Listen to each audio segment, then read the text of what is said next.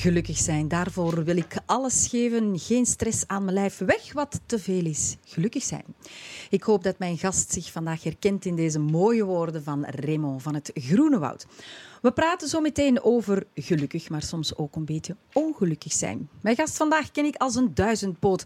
Hij speelt, regisseert, acteert, is een echte musicalster. Dus ik ben heel erg benieuwd hoe hij staat tegenover al deze thema's. Je kan hem kennen van onder andere de Crimi Clowns, de Zonen van Van As, Salamander Familie en nog zoveel meer. Zometeen verwelkom ik Peter Thijssen.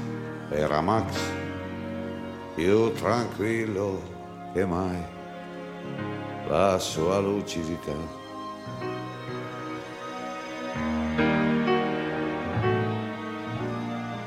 Smettila, Max, la tua facilità non semplifica, Max.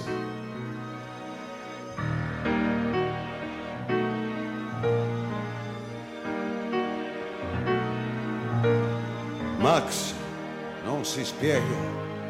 Fammi scendere, Max. Vedo un segreto avvicinarsi qui, Max.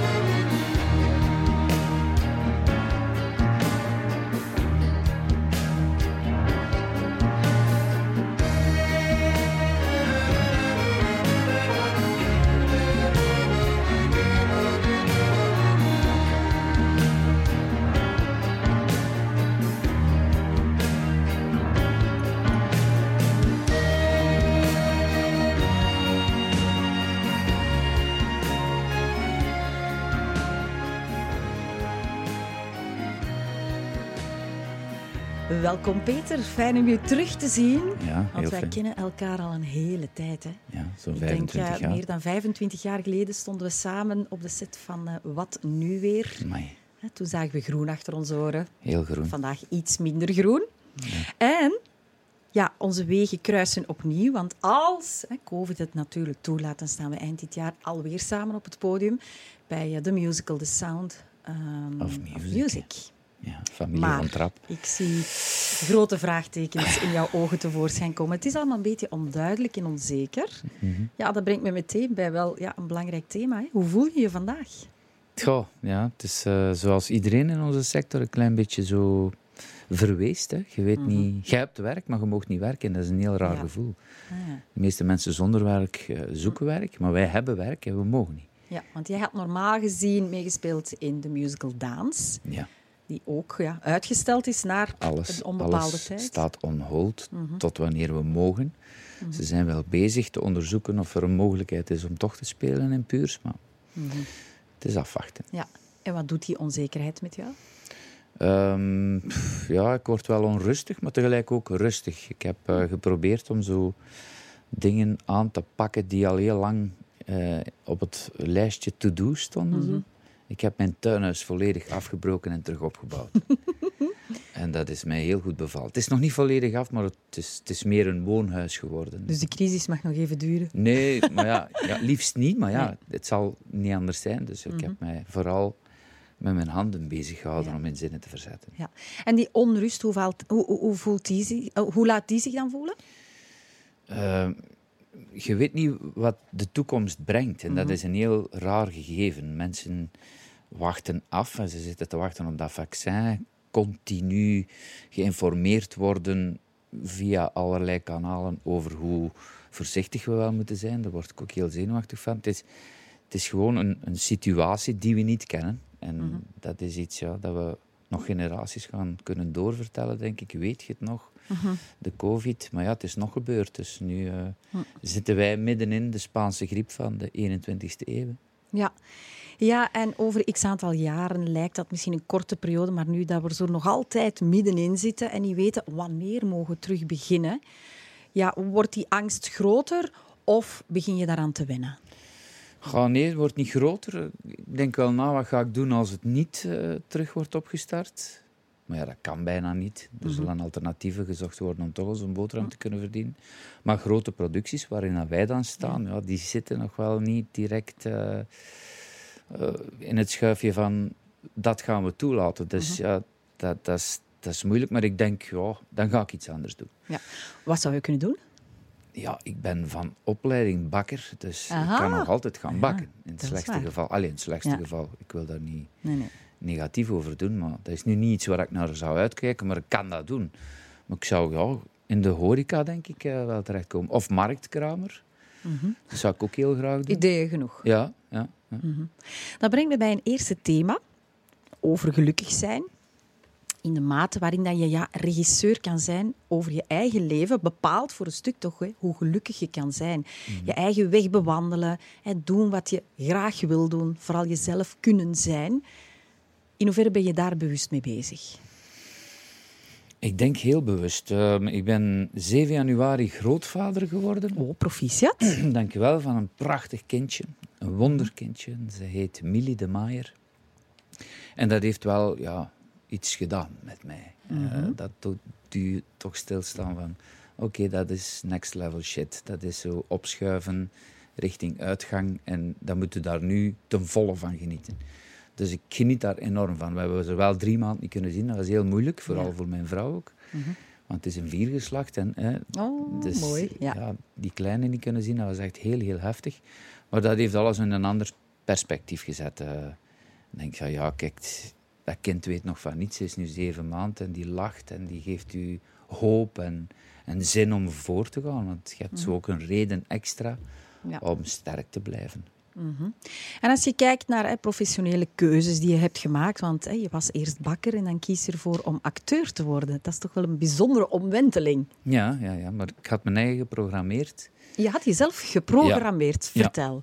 Wel, zoals zoveel onder ons, eh, als je dat zegt thuis, ik wil acteur worden, dan worden de wenkbrauwen vooral heel erg gefronst. En het antwoord is meestal unaniem van, daar kun je een boterham niet mee verdienen. In deze tijden klopt dat nu wel, maar... Oké, dan mag ik niet. En ik had mezelf geprogrammeerd, ik moet een miljoen Belgische frank hebben, dan kan ik vier jaar gaan studeren aan het conservatorium van Antwerpen. Dus ik ben beginnen Welke sparen. leeftijd spreek je nu? Eh, 14, 15. Oké, zo jong al. Oké, ja. En eh, ja, ik eh, had dan mijn eerste lief. ik ben ook getrouwd geweest. En op een gegeven moment, ik heb het nu over mijn eerste huwelijk, stond er op mijn bankrekening 1 miljoen Belgische frank. En mijn stoppen sloegen dicht. En ik zeg, ja mannen, sorry, ik ga acteren. Wie mij lief heeft, volgt mij. En eh, ja, dat was een bom natuurlijk. Hè. Ja. Die, die meent dat of wat. Ineens, ik zag dat staan en ik ben ervoor gegaan. Dus van die, die som geld hoopte ik wel vier jaar verder te kunnen. Ik ben dan mogen beginnen in, uh, in Conservatorium Antwerpen, opleiding Dora van der Groen. Maar ik was 25. Ik, mijn huwelijk is dan ook gestrand. Uh, ik zat Omdat tussen... je plotseling zo'n andere weg ging bewandelen? Dat, ja, ook wel. Ja, maar ik ging echt vol voor mijn, voor mijn goesting, voor wat ik echt wou in het dat leven. Is autonomie, hè? Dat is, En dat was moeilijk natuurlijk. Mm -hmm. maar ja, goed. Ik heb één jaar conservatorium gedaan. Op het einde van dat jaar zei ze van ja, kunt het, maar wij kunnen nu niet meer kneden. Ik had natuurlijk al heel veel uh, liefhebberstoneel gedaan. Dimitri Dupont, ik blijf hem noemen in ieder interview, heeft mij echt op de kaart gezet. En ik was een beetje gevormd al op voorhand. Mhm. En zei, ja, we krijgen nu niet meer in een richting. Je hebt al een richting. Ja, doe maar, je ziet maar.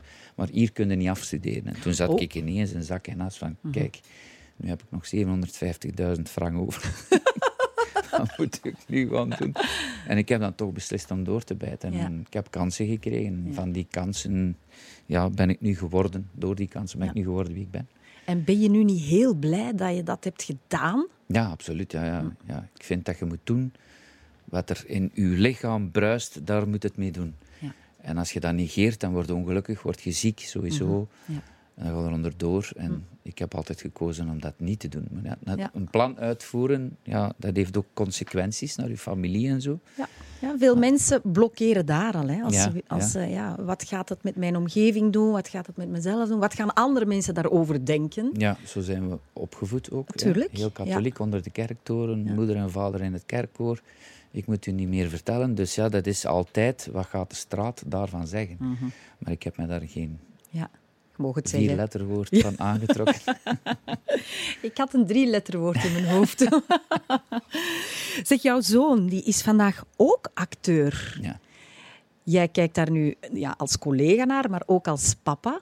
Dacht jij dan ook van, oh nee, nu gaat hij ook diezelfde weg op. Hè? En je kan daar je brood niet mee verdienen. Nee, helemaal niet. Helemaal nee. niet. Ik heb altijd geweten dat het in hem zat. Ja. Hij heeft als kind vaak aanbiedingen gehad, maar hij wou niet. Hij was heel koppig en hij wil het zelf zijn, zijn weg bepalen. En we zagen dat ook heel snel. Van, ja, hij wil het zelf doen, dus we laten hem doen. En we zien wel wat restaurant. En op zijn 18 zei hij, ja, ik wil niet naar een school. We zijn dan verschillende opleidingen mhm. gaan bezoeken. Dat gaat niet voor mij. En dan heeft hij de kans gekregen via Arne Fokketijn om een, uh, om een item in een programma te zijn. Uh, dat was voor een expat uh, in mhm. Brussel. Moest hij zo, ja, overal in Vlaanderen laten zien wat dat Vlamingen eigenlijk zijn. Ja, dat je zo een ticketje moet pakken met een BNO. Zo ja, ja. En op die manier ja, is hij toch in de picture gekomen. Ja. Het zou misschien geholpen hebben dat hij mijn zoon is, maar toch, hij heeft het zelf, eh, het is zijn eigen verdienste dat hij het uh, heeft. En heb je daar dan vertrouwen in van oké, die is goed bezig? Uh, of heb je nu soms wel wat angsten van ja, het is een onzekere job, die ervaren we. Hè? Die onzekerheid ervaren we elke dag. Maar als het dan over uw eigen kind gaat, ik, ik heb er totaal geen schrik voor. Nee. Is, die zit zo goed in elkaar. Dat is echt een, een superkerel. Ja. Dat is een, een topjongen. En ja, hij heeft zijn kantjes, zijn karakter. Maar dat, is een hele goede gast. Ja. En je gaat mhm. het wel vinden. En stel dat het niet meer doorgaat, hè, want ja, alles is eindig nu, die serie mhm. waarin zit. Stel dat dat stopt en dan zal hij iets anders. Maar ja, kijk, hij zou normaal gezien nu in een stuk bij Sven de Ridder hebben gezeten. Dus ik denk dat die er wel komt of zo. Het is een andere weg natuurlijk, mhm. zonder opleiding, maar ik heb er wel vertrouwen in. Jullie hebben ook al samen op een podium gestaan. Hoe was dat dan? Ja, dat was zalig. Dat was echt zalig. Hm. Hij heeft me nog verbeterd dat ik even met een tekst niet meer wist. Hij was aan de kabouter, hij zat op zijn knieën en hij moest de koning, die ik dan speelde, moest hij even zo bijstaan, want de koning wist het niet meer. En toen hebben wij zo gelachen, maar zo gelachen. Dat is zo'n moment, dat vergeet je nooit. Hè. Dat is voor de rest van je leven.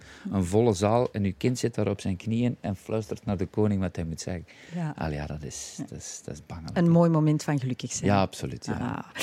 Ik vraag ook elke week aan mijn gast welke liedjes hen ontroeren, gelukkig maken of ja, soms wel positief beïnvloeden. En jij koos voor dit nummer van Eros Ramazzotti.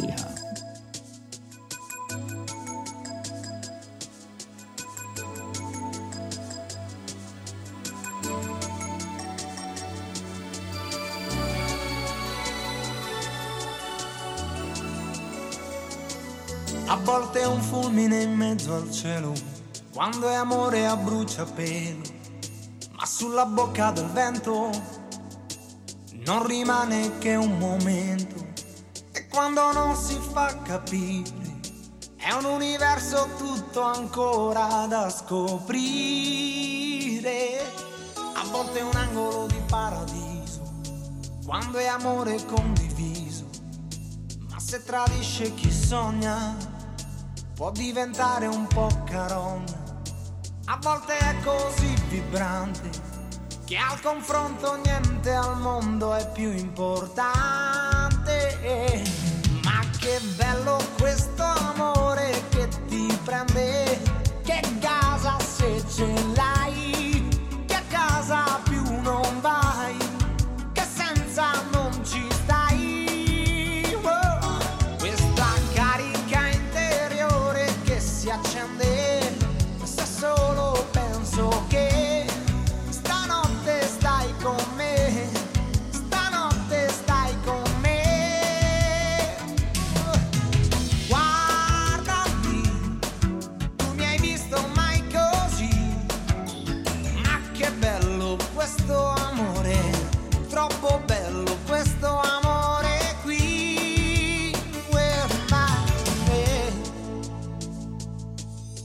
agisce di nascosto, quando è amore ad ogni costo.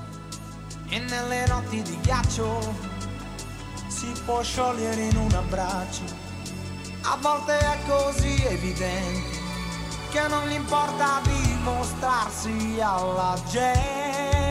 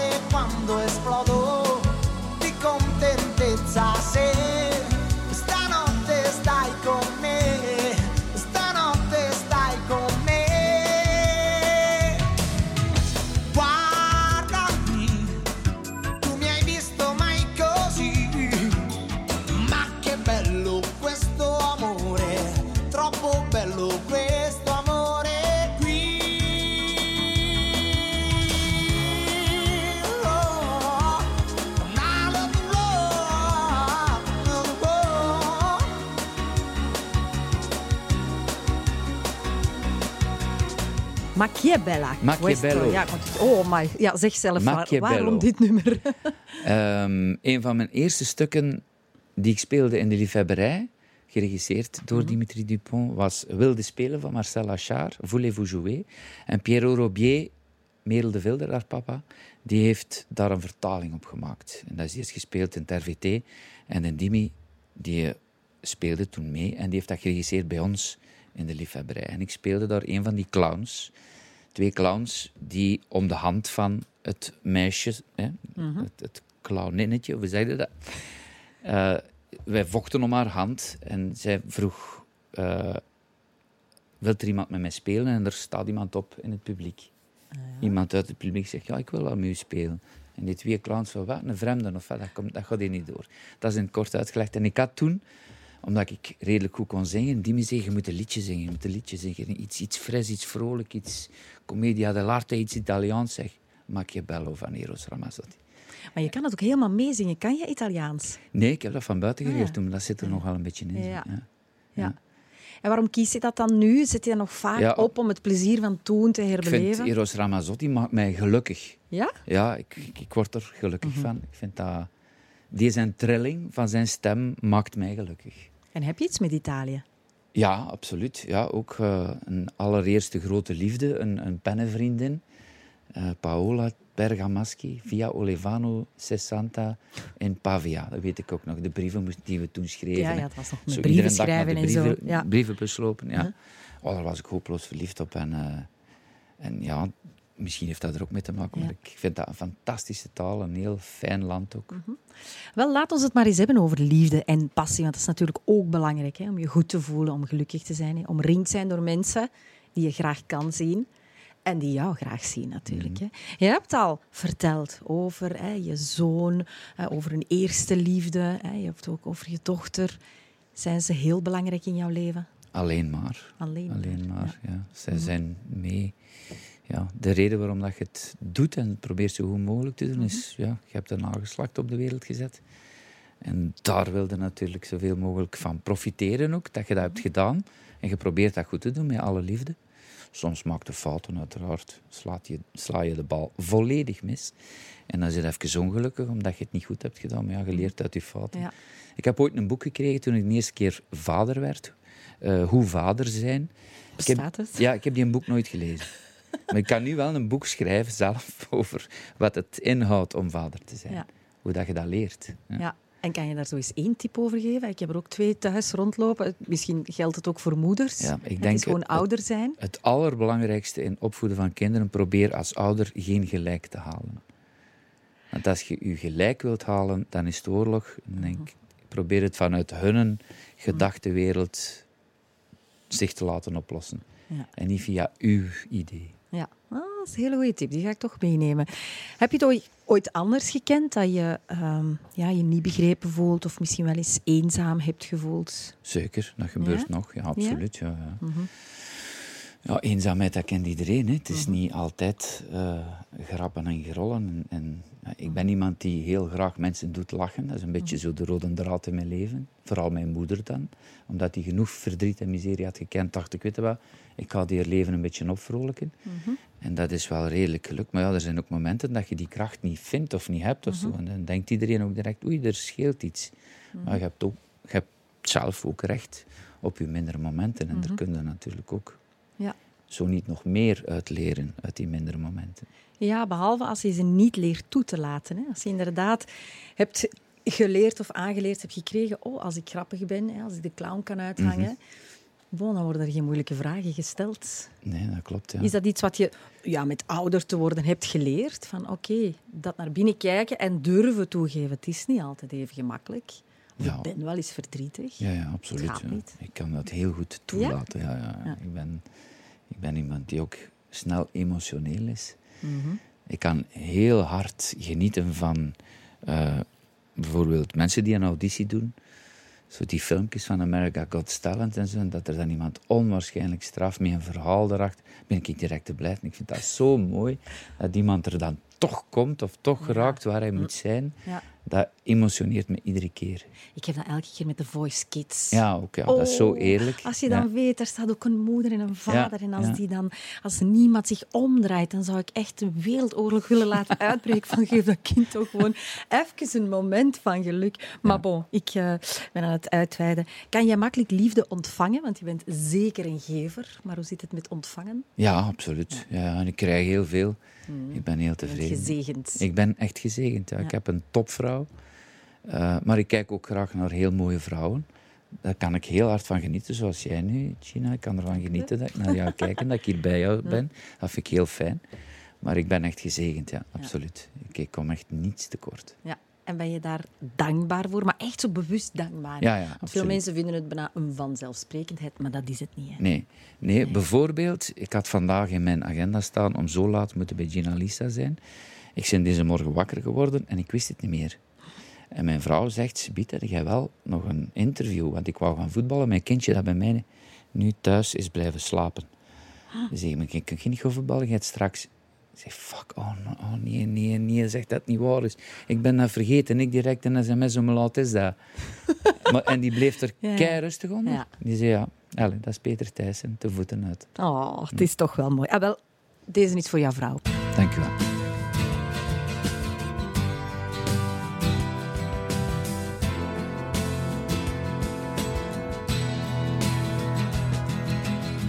C'est un beau roman, c'est une belle histoire, c'est une romance d'aujourd'hui.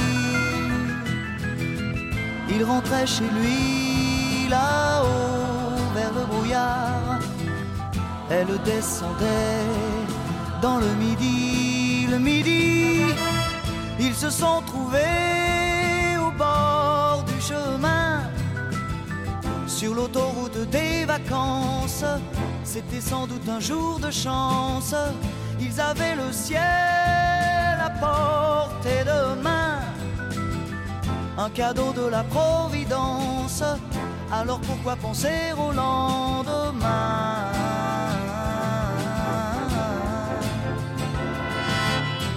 Ils se sont cachés dans un grand de blé, se laissant porter par le courant, se sont racontés leur vie qui commençait. Ils n'étaient encore que des enfants, des enfants qui s'étaient trouvés au bord du chemin sur l'autoroute des vacances. C'était sans doute un jour de chance qui le ciel au creux de leurs mains, comme on cueille la providence, refusant de penser au lendemain.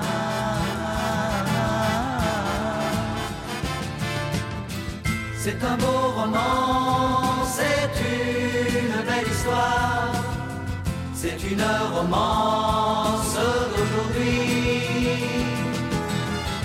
Rentrait chez lui là-haut vers le brouillard, elle descendait dans le midi. Le midi, ils se sont quittés au bord du matin sur l'autoroute des vacances. C'était fini le jour de chance. Ils reprirent alors chacun leur chemin. Saluèrent la Providence en se faisant un signe de la main.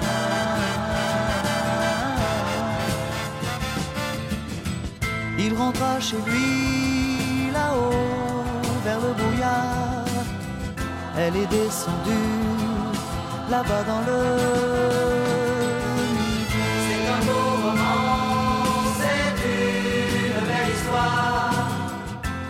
Une.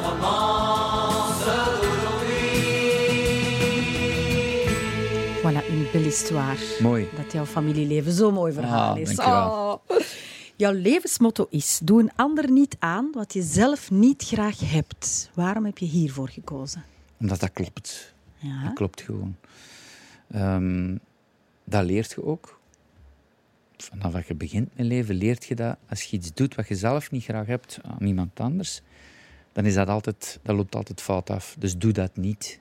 En ik probeer dat echt waar niet te doen. Ik doe niemand iets aan wat ik zelf niet graag heb. En moet je af en toe deze woorden echt herhalen van oh, niet doen, niet doen, niet doen? Want Ja, soms. Ik, Ja. stop, ik maak nog fouten, hè? absoluut. Maar dan denk ik van, dit had je beter niet gedaan. want Dat zouden ze zelf ook niet leuk vinden. En kan je zoiets vertellen? Of, Ja, dat je geven? bijvoorbeeld iets te vlug een mening hebt gehad over een voorstelling, bijvoorbeeld. Ah, ja. En denk van, ik ben er redelijk goed in. Ik, denk, ik, ik wens iedereen proficiat, ook al vind ik het niet zo goed. Eh, omdat ja, mensen die op een première worden uitgenodigd, moeten al geen bal betalen. En als je er dan zit in die zaal, hebben die mensen die op het podium staan heel graag dat je applaudisseert. En later kun je het er dan eens over hebben. Maar er zijn zo een paar keer dat ik toch in de verleiding werd gesteld om een, ja, een eerlijke mening te geven. En ja, dat, dat, dat, dat werkt van geen meter. Mensen zeggen, ja, wel, ik wel. Bij mij is het baf. Ik ben zo niet. Ik denk van, proficiat, goed gedaan. Het is mijn ding niet, maar ik vind het toch wel verdienstelijk. En dan positieve dingen opnoemen in de plaats van dingen onderuit halen. Ja. Dat is bijvoorbeeld een Het is voorbeeld. soms makkelijker hè, om iemand onderuit te halen dan iemand complimenten Dat is te het geven. simpelste hè. wat er is. Je gaat in een zeteltje zitten en je zet je zo. En je denkt van, ah, eens, hè, bewijs het een keer. Ja. En je ziet die dan ook allemaal zitten, die koppen die daar zo zitten. En denk je, waarom zit je hier? Dat straalt niet veel liefde uit voor mij. Ja. Ja. Mhm. Wat heb je zelf niet graag? Ehm, ik kan niet tegen onrecht. Totaal niet. Als er iets gebeurt waar ik geen vat op heb en dat heel onrechtvaardig is, dan, dan word ik ja, heel verdrietig. Boos ook. En dan, ja, dat kan me echt blokkeren. Heeft er iemand jou ooit onrecht aangedaan? Zeker, absoluut. absoluut. Ben je daar nog altijd boos op? Eh, nee, sommige dingen zijn uitgeklaard, maar ja, Ja. er zijn dingen die zich herhalen en dat is dan wel moeilijk om... om als, als zich iets blijft herhalen, dan moet er op den duur van afstand van nemen, want Mhm. Ja. dan, dan lukt dat toch niet. Of, als het ziekmakend is, weg ermee. Ja. Ja. Ja. absoluut. Oké. Mooie woorden om dit eh, eerste deel af te ronden. Zometeen zijn we terug met deel 2.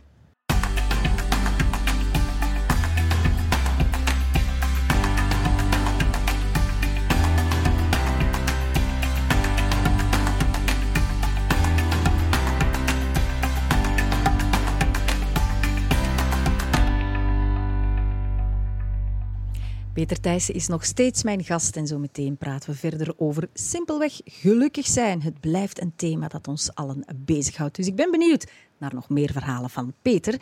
We luisteren eerst naar een nummer dat hij gekozen heeft.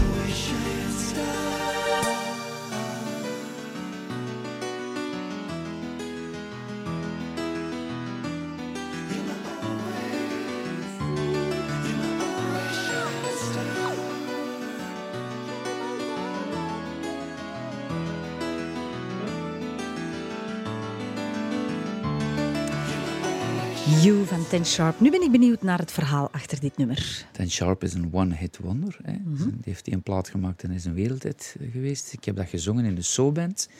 En onlangs ook nog in een, eh, in een musical. Ehm, ja, dat is het liedje dat ik altijd kies, dat ik heel graag zing. En You Were Always On My Mind. Ja, kijk, dat, is, dat vertelt heel veel. Ik, ik word er instant gelukkig van. Ja. Ook als ik het zing. Ja. Ja, Word je van zingen gelukkig? ja absoluut. Oh, dat ken ik. Heel, heel, dat is het, een van de leukere aspecten op een podium staan als je mocht zingen, is nog meer, vind ik, dan op een podium staan en alleen maar spelen. Dat vind ik, ja... En als je dan ziet dat dat iets teweeg brengt met dat publiek, als je zingt kun je meer permitteren, want je zit in het verhaaltje van dat lied en kunt je publiek veel beter bespelen. Dan voelt je ook wat dat, dat doet en dat vind ik zalig. Dus- Zing je alleen op een podium of ook ernaast? ja, ja, ernaast ook. Veel, veel. Van s ochtends. Absoluut, ja, ja, ja. Je bent zo de man die 's morgens wakker wordt Ja, en... ik eh, ben een ochtendmens, absoluut. Ja, ik, ik heb geen ochtendhumeur. Oh, Nee, dat, dat kan ik niet. misschien een avondhumeur. Nee, ook niet, want ik ben s'avonds heel laat wakker ook. Mm. Ik vind het fantastisch als iedereen gaat slapen is. Het huis voor mij alleen, de stilte, Ja. de absolute stilte, dat vind ik zo fijn. Daar word ik nu gelukkig van. Ah, wel, daar pik ik graag op in, want ik wil het eens even hebben over persoonlijke groei. Dat vind ik ook heel belangrijk als we spreken over alle factoren van gelukkig zijn. Als je altijd op hetzelfde blijft staan, stilstaan is achteruit gaan. Dus hè, hoe doe je dat? Hè? Hoe integreer je dat in je eigen leven? Zijn dat de momenten, hè, in de stilte, dat je eens echt naar jezelf luistert? Ja, denk het wel. Maar vooral in de stilte komt er ook heel veel los. Eh, ik ben ook een schrijver. En dan komen personages tot leven en zeggen die de teksten in mijn hoofd. En moet ik het zelf niet meer verzinnen. Maar dat gebeurt alleen in de stilte. Als je... Ik ben ook een beetje hypersensitief. Ik ben overgevoelig aan geluidjes. Je tikte er net bij je opening van het vorige blok. Was hier een, een, waren zo'n paal aan het heien. Dan denk ik al bij mij, no passera, ik stop hier. Want dat is, ik voel dat geluid en ik denk, hè, ik ben uit mijn concentratie. Maar als je volledig stil zit, in een stille omgeving en alles is van u, dan begint het te leven, te bruisen. Dan, pff, ja, dat is, dat is fantastisch. En wat betekent dan persoonlijke groei eigenlijk voor jou? Eh, persoonlijke groei. Voor mij betekent, denk ik, dat ik hetgeen wat ik heb geleerd, dat ik dat kan doorgeven en dat ik zie dat daar iets mee gebeurt. En dan vooral in mijn nageslacht. Dan Ja. denk ik van, ah, ik heb het goed gedaan, ik geef het goed door, doe ermee wat je wilt en ik ben nog niet weg. Ja. Wat je zo net zei, die, eh, die hypergevoeligheid, dat kan ik me wel voorstellen dat dat niet altijd even gemakkelijk is. Hè? Want we leven in een wereld ja, waar je eigenlijk bijna altijd geprikkeld wordt Ja. door iets, door geluiden, door geuren, door wat dan ook. Hoe ga je daar dan mee om? Wel, toen ik een jaar of 17 was, ben ik nog verhuisd naar het laatste huis waarin mijn ouders hebben gewoond. En daar was een centrale verwarming met buizen in de muren. Die dus niet. Dat was zo steen op ijzer. Maar ijzer zet uit en dat tikt. Oeh, ja, ja. En dan... Ik had een naam en ging ik op al die buizen kloppen totdat dat gedaan was. En dan mijn vader op de gang. Wat was nou? Dat getik, ik word er zot van. Nu nog, hè, zo dat je niet kunt traceren. Zo in de auto, iets dat ligt te trillen. Als we op reis vertrekken en die auto volgrief en er bibbert iets, ja, niet stoppen. Hè, een handdoek ertussen totdat dat weg is. ik word er simpel van. Ja. Ik kan dat echt dus het niet... is echt auditieve eh, gevoeligheid. Ja, voilà, voilà. Ook licht, te fel licht. Wit licht bijvoorbeeld. Deze is geel licht, dat is zalig. Maar als dat te wit is, dan word ik er zenuwachtig van. Ik denk dat heel veel mensen zich daarin herkennen. Maar hoe zorg je ervoor dat dat geen te groot struikelblok is? Ja, licht kunnen we een zonnebril opzetten of kunnen we zorgen dat we in de schaduw zitten. Geluid ook, ja. Ik heb ooit tinnitus gehad. Ik zat op een feestje en dan zo ineens zo knal de boksen open. En zo, ik heb min... Als je 100% hebt op, op eh, 3000 hertz, ik heb 37% op 3000 hertz. Dus er is een bepaalde toon die me instant zo... Ah, fuck. Dus dat is, dat is gruwelijk. Dus ik behoed mij er wel voor. Ook op de vlieger, ja, dan steek ik doppen in. hè. Voilà. Je leert gewoon, ja, als het zover is, hè, hoe kan ik ermee omgaan en wat zijn mijn hulpmiddelen? Ja. Persoonlijke groei vind ik ook steeds meer jezelf kunnen zijn. En dat is zo prettig aan ouder worden. Hoe voel jij je bij ouder worden? Ehm, toen ik 50 werd, denk ik, ja, ik ben half weg. Ja. Maar nu, nu moet ik echt wel de rest, allee, de tweede helft van mijn leven, want ik ga 100 jaar worden, de tweede helft van mijn leven, hoe ga ik dat aanpakken? En dan heb ik zo toch een aantal dingen opgeschreven van ik ga dit, ik ga dat, ik ga dat. Ja, ik, ga, ik had toch ook een plan gemaakt. Ik wil blijven spelen tot zolang het kan. Ik wil blijven zingen tot zolang mijn stem het toelaat. Ja. Ik ga niet op pensioen. Maar ik wil echt blijven leven. Met de mogelijkheden die er zijn en fysiek, dat zien we wel. Ja. En is leven, je haalt eh, voorbeelden uit eh, je eh, professionele leven naar voren, maar wat is leven dan nog meer? Goh, Gina, dat is, dat is zo breed leven nog meer. Ja. Ik probeer echt te genieten in het moment. En toen ik op conservatorium zat, verstond ik dat niet zo. Spelen in het moment, ik heb dat nooit verstaan. Wat is dat in het moment? Ja, dat je gewoon zijt wie dat je zijt en dat je het daarmee doet. Het heeft heel lang geduurd eer dat die frank gevallen is. Ik was altijd een speler en ik dacht van, ik zal het hier eens laten zien. Maar zodat dat indaalt, geniet van het moment en doet wat je krijgt in het moment, acteert vanuit dat gevoel. En ik probeer ook in het dagelijks leven in het moment te genieten van wat er is. Is dat mindfulness? Dat zou kunnen. Klinkt als mindfulness in ieder geval. Ja, dat zou kunnen. Ik heb die boeken niet gelezen, maar ik vermoed dat het zo Ja. iets wel is. Ja, het Onze kast staat het, vol met boeken Ah, van mindfulness. Mijn vrouw is ook Ah, heel, heel erg aanhanger Ja. ervan. ja, eigenlijk het woord zegt het zelf. Hè. Je staat mindful, met je Hmm. volle bewustzijn, in het hier en nu. Ja, ja. Maar dat is soms moeilijk, want soms zitten we nog met ene voet in het verleden of zijn we al zorgen aan het maken over de toekomst en vergeten we eigenlijk wat vandaag is. Ah ja, ja. Het is, een dag is een aaneenreiging van momentjes en niet alle momentjes zijn even gelukzalig natuurlijk. Nee. Waarom lees je die boeken niet? Is dat dan zoiets dat vrouwen Ja, alleen ik, doen? Ik denk dat het hetzelfde is als die een boek die ik gekregen heb van hoe word ik vader of hoe, hoe, Ah, ja. hoe, hoe ben je vader of zoiets. Dan denk ik, ja, ik zal het wel zien, ik zal het wel leren. En Mm. ik schrijf ook stukken. Mhm. En hetgeen ik, allee, dat wat, wat ik geleerd heb, hetgeen wat ik dan kan gebruiken, dat schrijf ik ook Ja. Je letterlijk schrijft neer. het liever dan het zelf te moeten lezen. Ja, Oké. Een mooie quote vind ik, eh, omdat dat toch, ja, het is ook een beetje aangehaald geweest. Hè. Eh, afstand nemen van wat anderen van je denken brengt je dichter bij jezelf. Als acteur, als eh, zanger, je staat in die picture veel mensen kijken en zullen hun mening vormen. Hè, Dus je gaf zelf al aan, ik let daar wel bij op als ik andere mensen hè, feedback geef. hè, Dat op een positieve manier kan. Maar hoe ga jij om met kritiek? Ehm, als hij terecht is, dan aanvaard Mhm. ik dat. Als hij volgens mij niet terecht is, dan laat ik het zo. Dan ga ik niet in discussie. Ik laat iedereen zeggen wat hij te zeggen heeft. Ja. Er zijn mensen die naar mijn monoloog zijn komen kijken. Sommigen waren keihard, anderen waren vol liefde. En ik laat alles bestaan. Want je kunt daar er toch niet van winnen. En je kunt er wel uit leren. Er zijn mensen die interessante dingen zeggen. En zeggen, ah fuck, dat is wel goed dat je dat zegt. Want inderdaad, daar kan ik iets mee. Maar zo van, nee, dat vind ik niet goed, dat vind ik niet, nee, dat is niet goed, dat moet je anders doen. Zo, zo. Ja, dan Ik denk het, ik, ja, misschien, maar doe het dan zelf een keer. Dan zul je zien dat het niet zo simpel is of zo. Maar ik ga er niet op in. Nee. Weet je wat ik dan doe? Of andere mensen aanraad die in zo'n situatie zitten, dan neem je gewoon de houding van een eend aan. Wel ja, Weet je wat een eend kan? Hè, de- daar kun je water over kappen en die wordt niet nat. Hm. Dus ja, laat dat water maar stromen en daarna schut eens en het is van je weg. Hè. ja voilà, dat is eh, heel Voilà. mooi metaforisch gesproken. Hey, soms, waarom moeten we het moeilijk maken als het simpel ook Absoluut. kan? Ah, absoluut. voilà. Laat het water maar komen. Ja, maar ik ga een liedje laten komen in plaats van water. Weekend.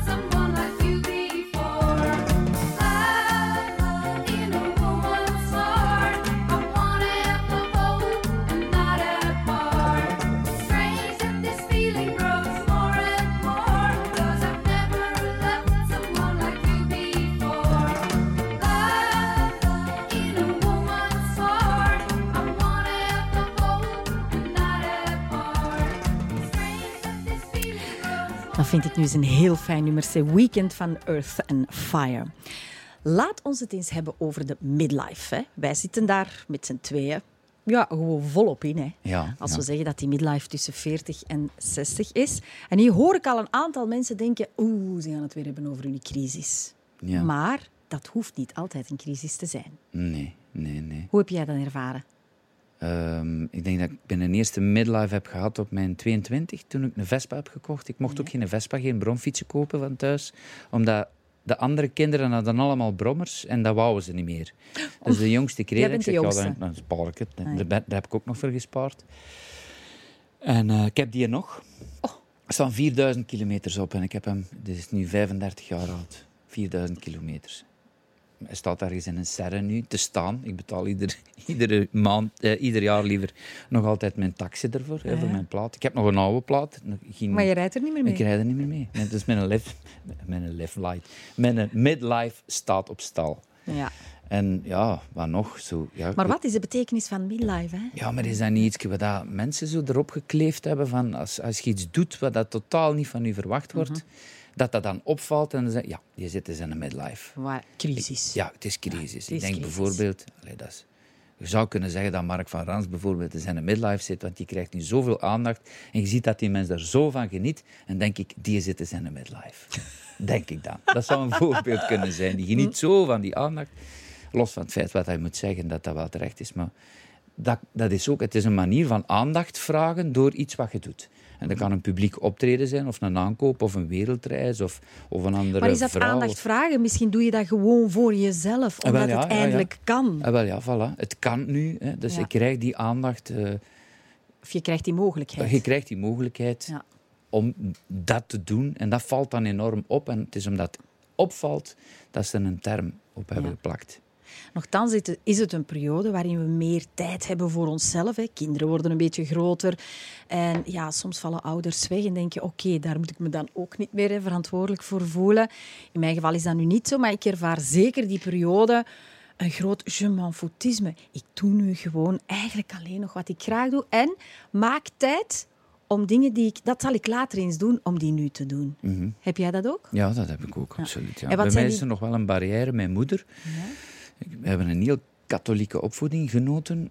En er zit nog altijd iets... Als, zolang mijn moeder leeft, kan ik niet volmondig alles zeggen wat ik kan zeggen, wat ik wil zeggen.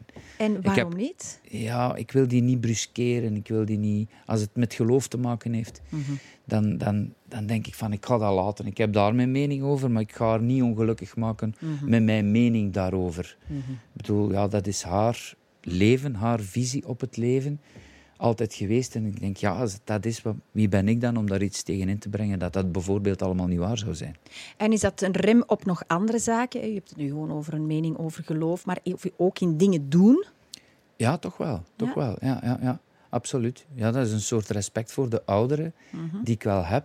eh, en die me soms ja, belemmert ook eh, om dingen te doen. En is het dan een goed idee om te wachten tot ze er niet meer is? Die vraag die komt de laatste weken meer en meer op mijn pad. Ja? Moet ik wachten eh, tot mijn moeder ook vertrokken is naar de Ja. andere kant, om alles een keer te zeggen wat er echt in mijn strot en in mijn Ja. hoofd leeft en zit? Ja, en toch, ja, ik ga het niet doen. Ik kan dat Mhm. niet. Ik kan die niet bruskeren. Ik heb het, ja, het allereerste stuk dat ik speelde professioneel, moest ik mijn geslacht uit mijn broek halen. En dat was, ja, maar ja, toen zat ik zo in een rebelse fase. Dat kan ik me wel voorstellen. Ja, dat als moeder of als vader van, ja. oh, ja, daar staat onze bakker te doen wat wij hem. niet willen. Allee, dat was dus waar dat jij... Ver... En ik snap het ook wel. hè. Ze is niet komen tuurlijk. kijken trouwens. Ah, nee. Nee. Mijn vader dan ook niet. Mijn zus is komen kijken en die heeft dan gebriefd wat er gebeurde. En toen was enorm kwaad op mij.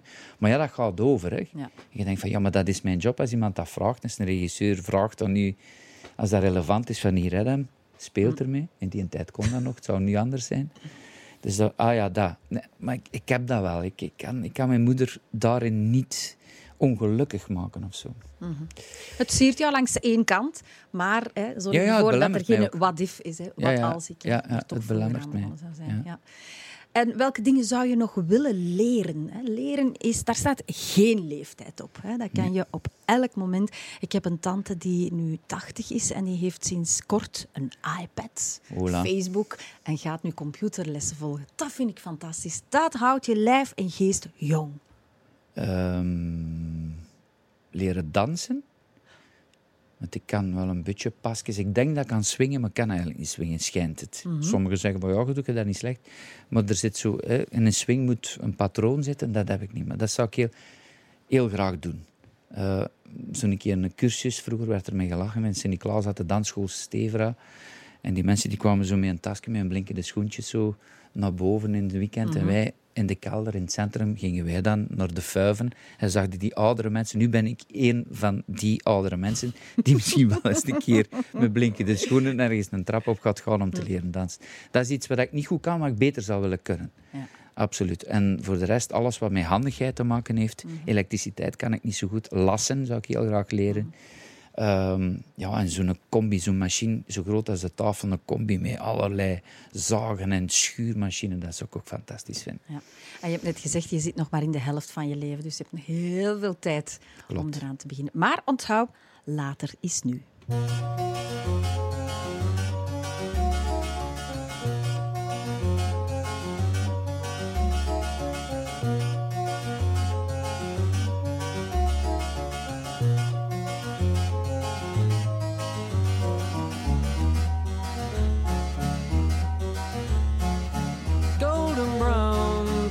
Like sun lays me down with my mind. She runs throughout the night.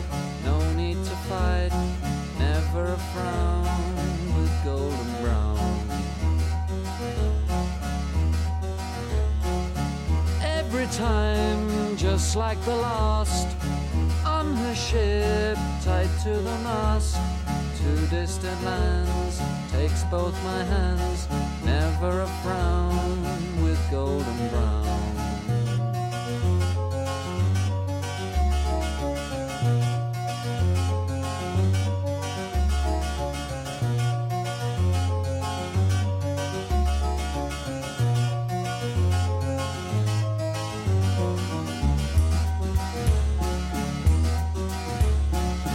golden brown, fine temptress.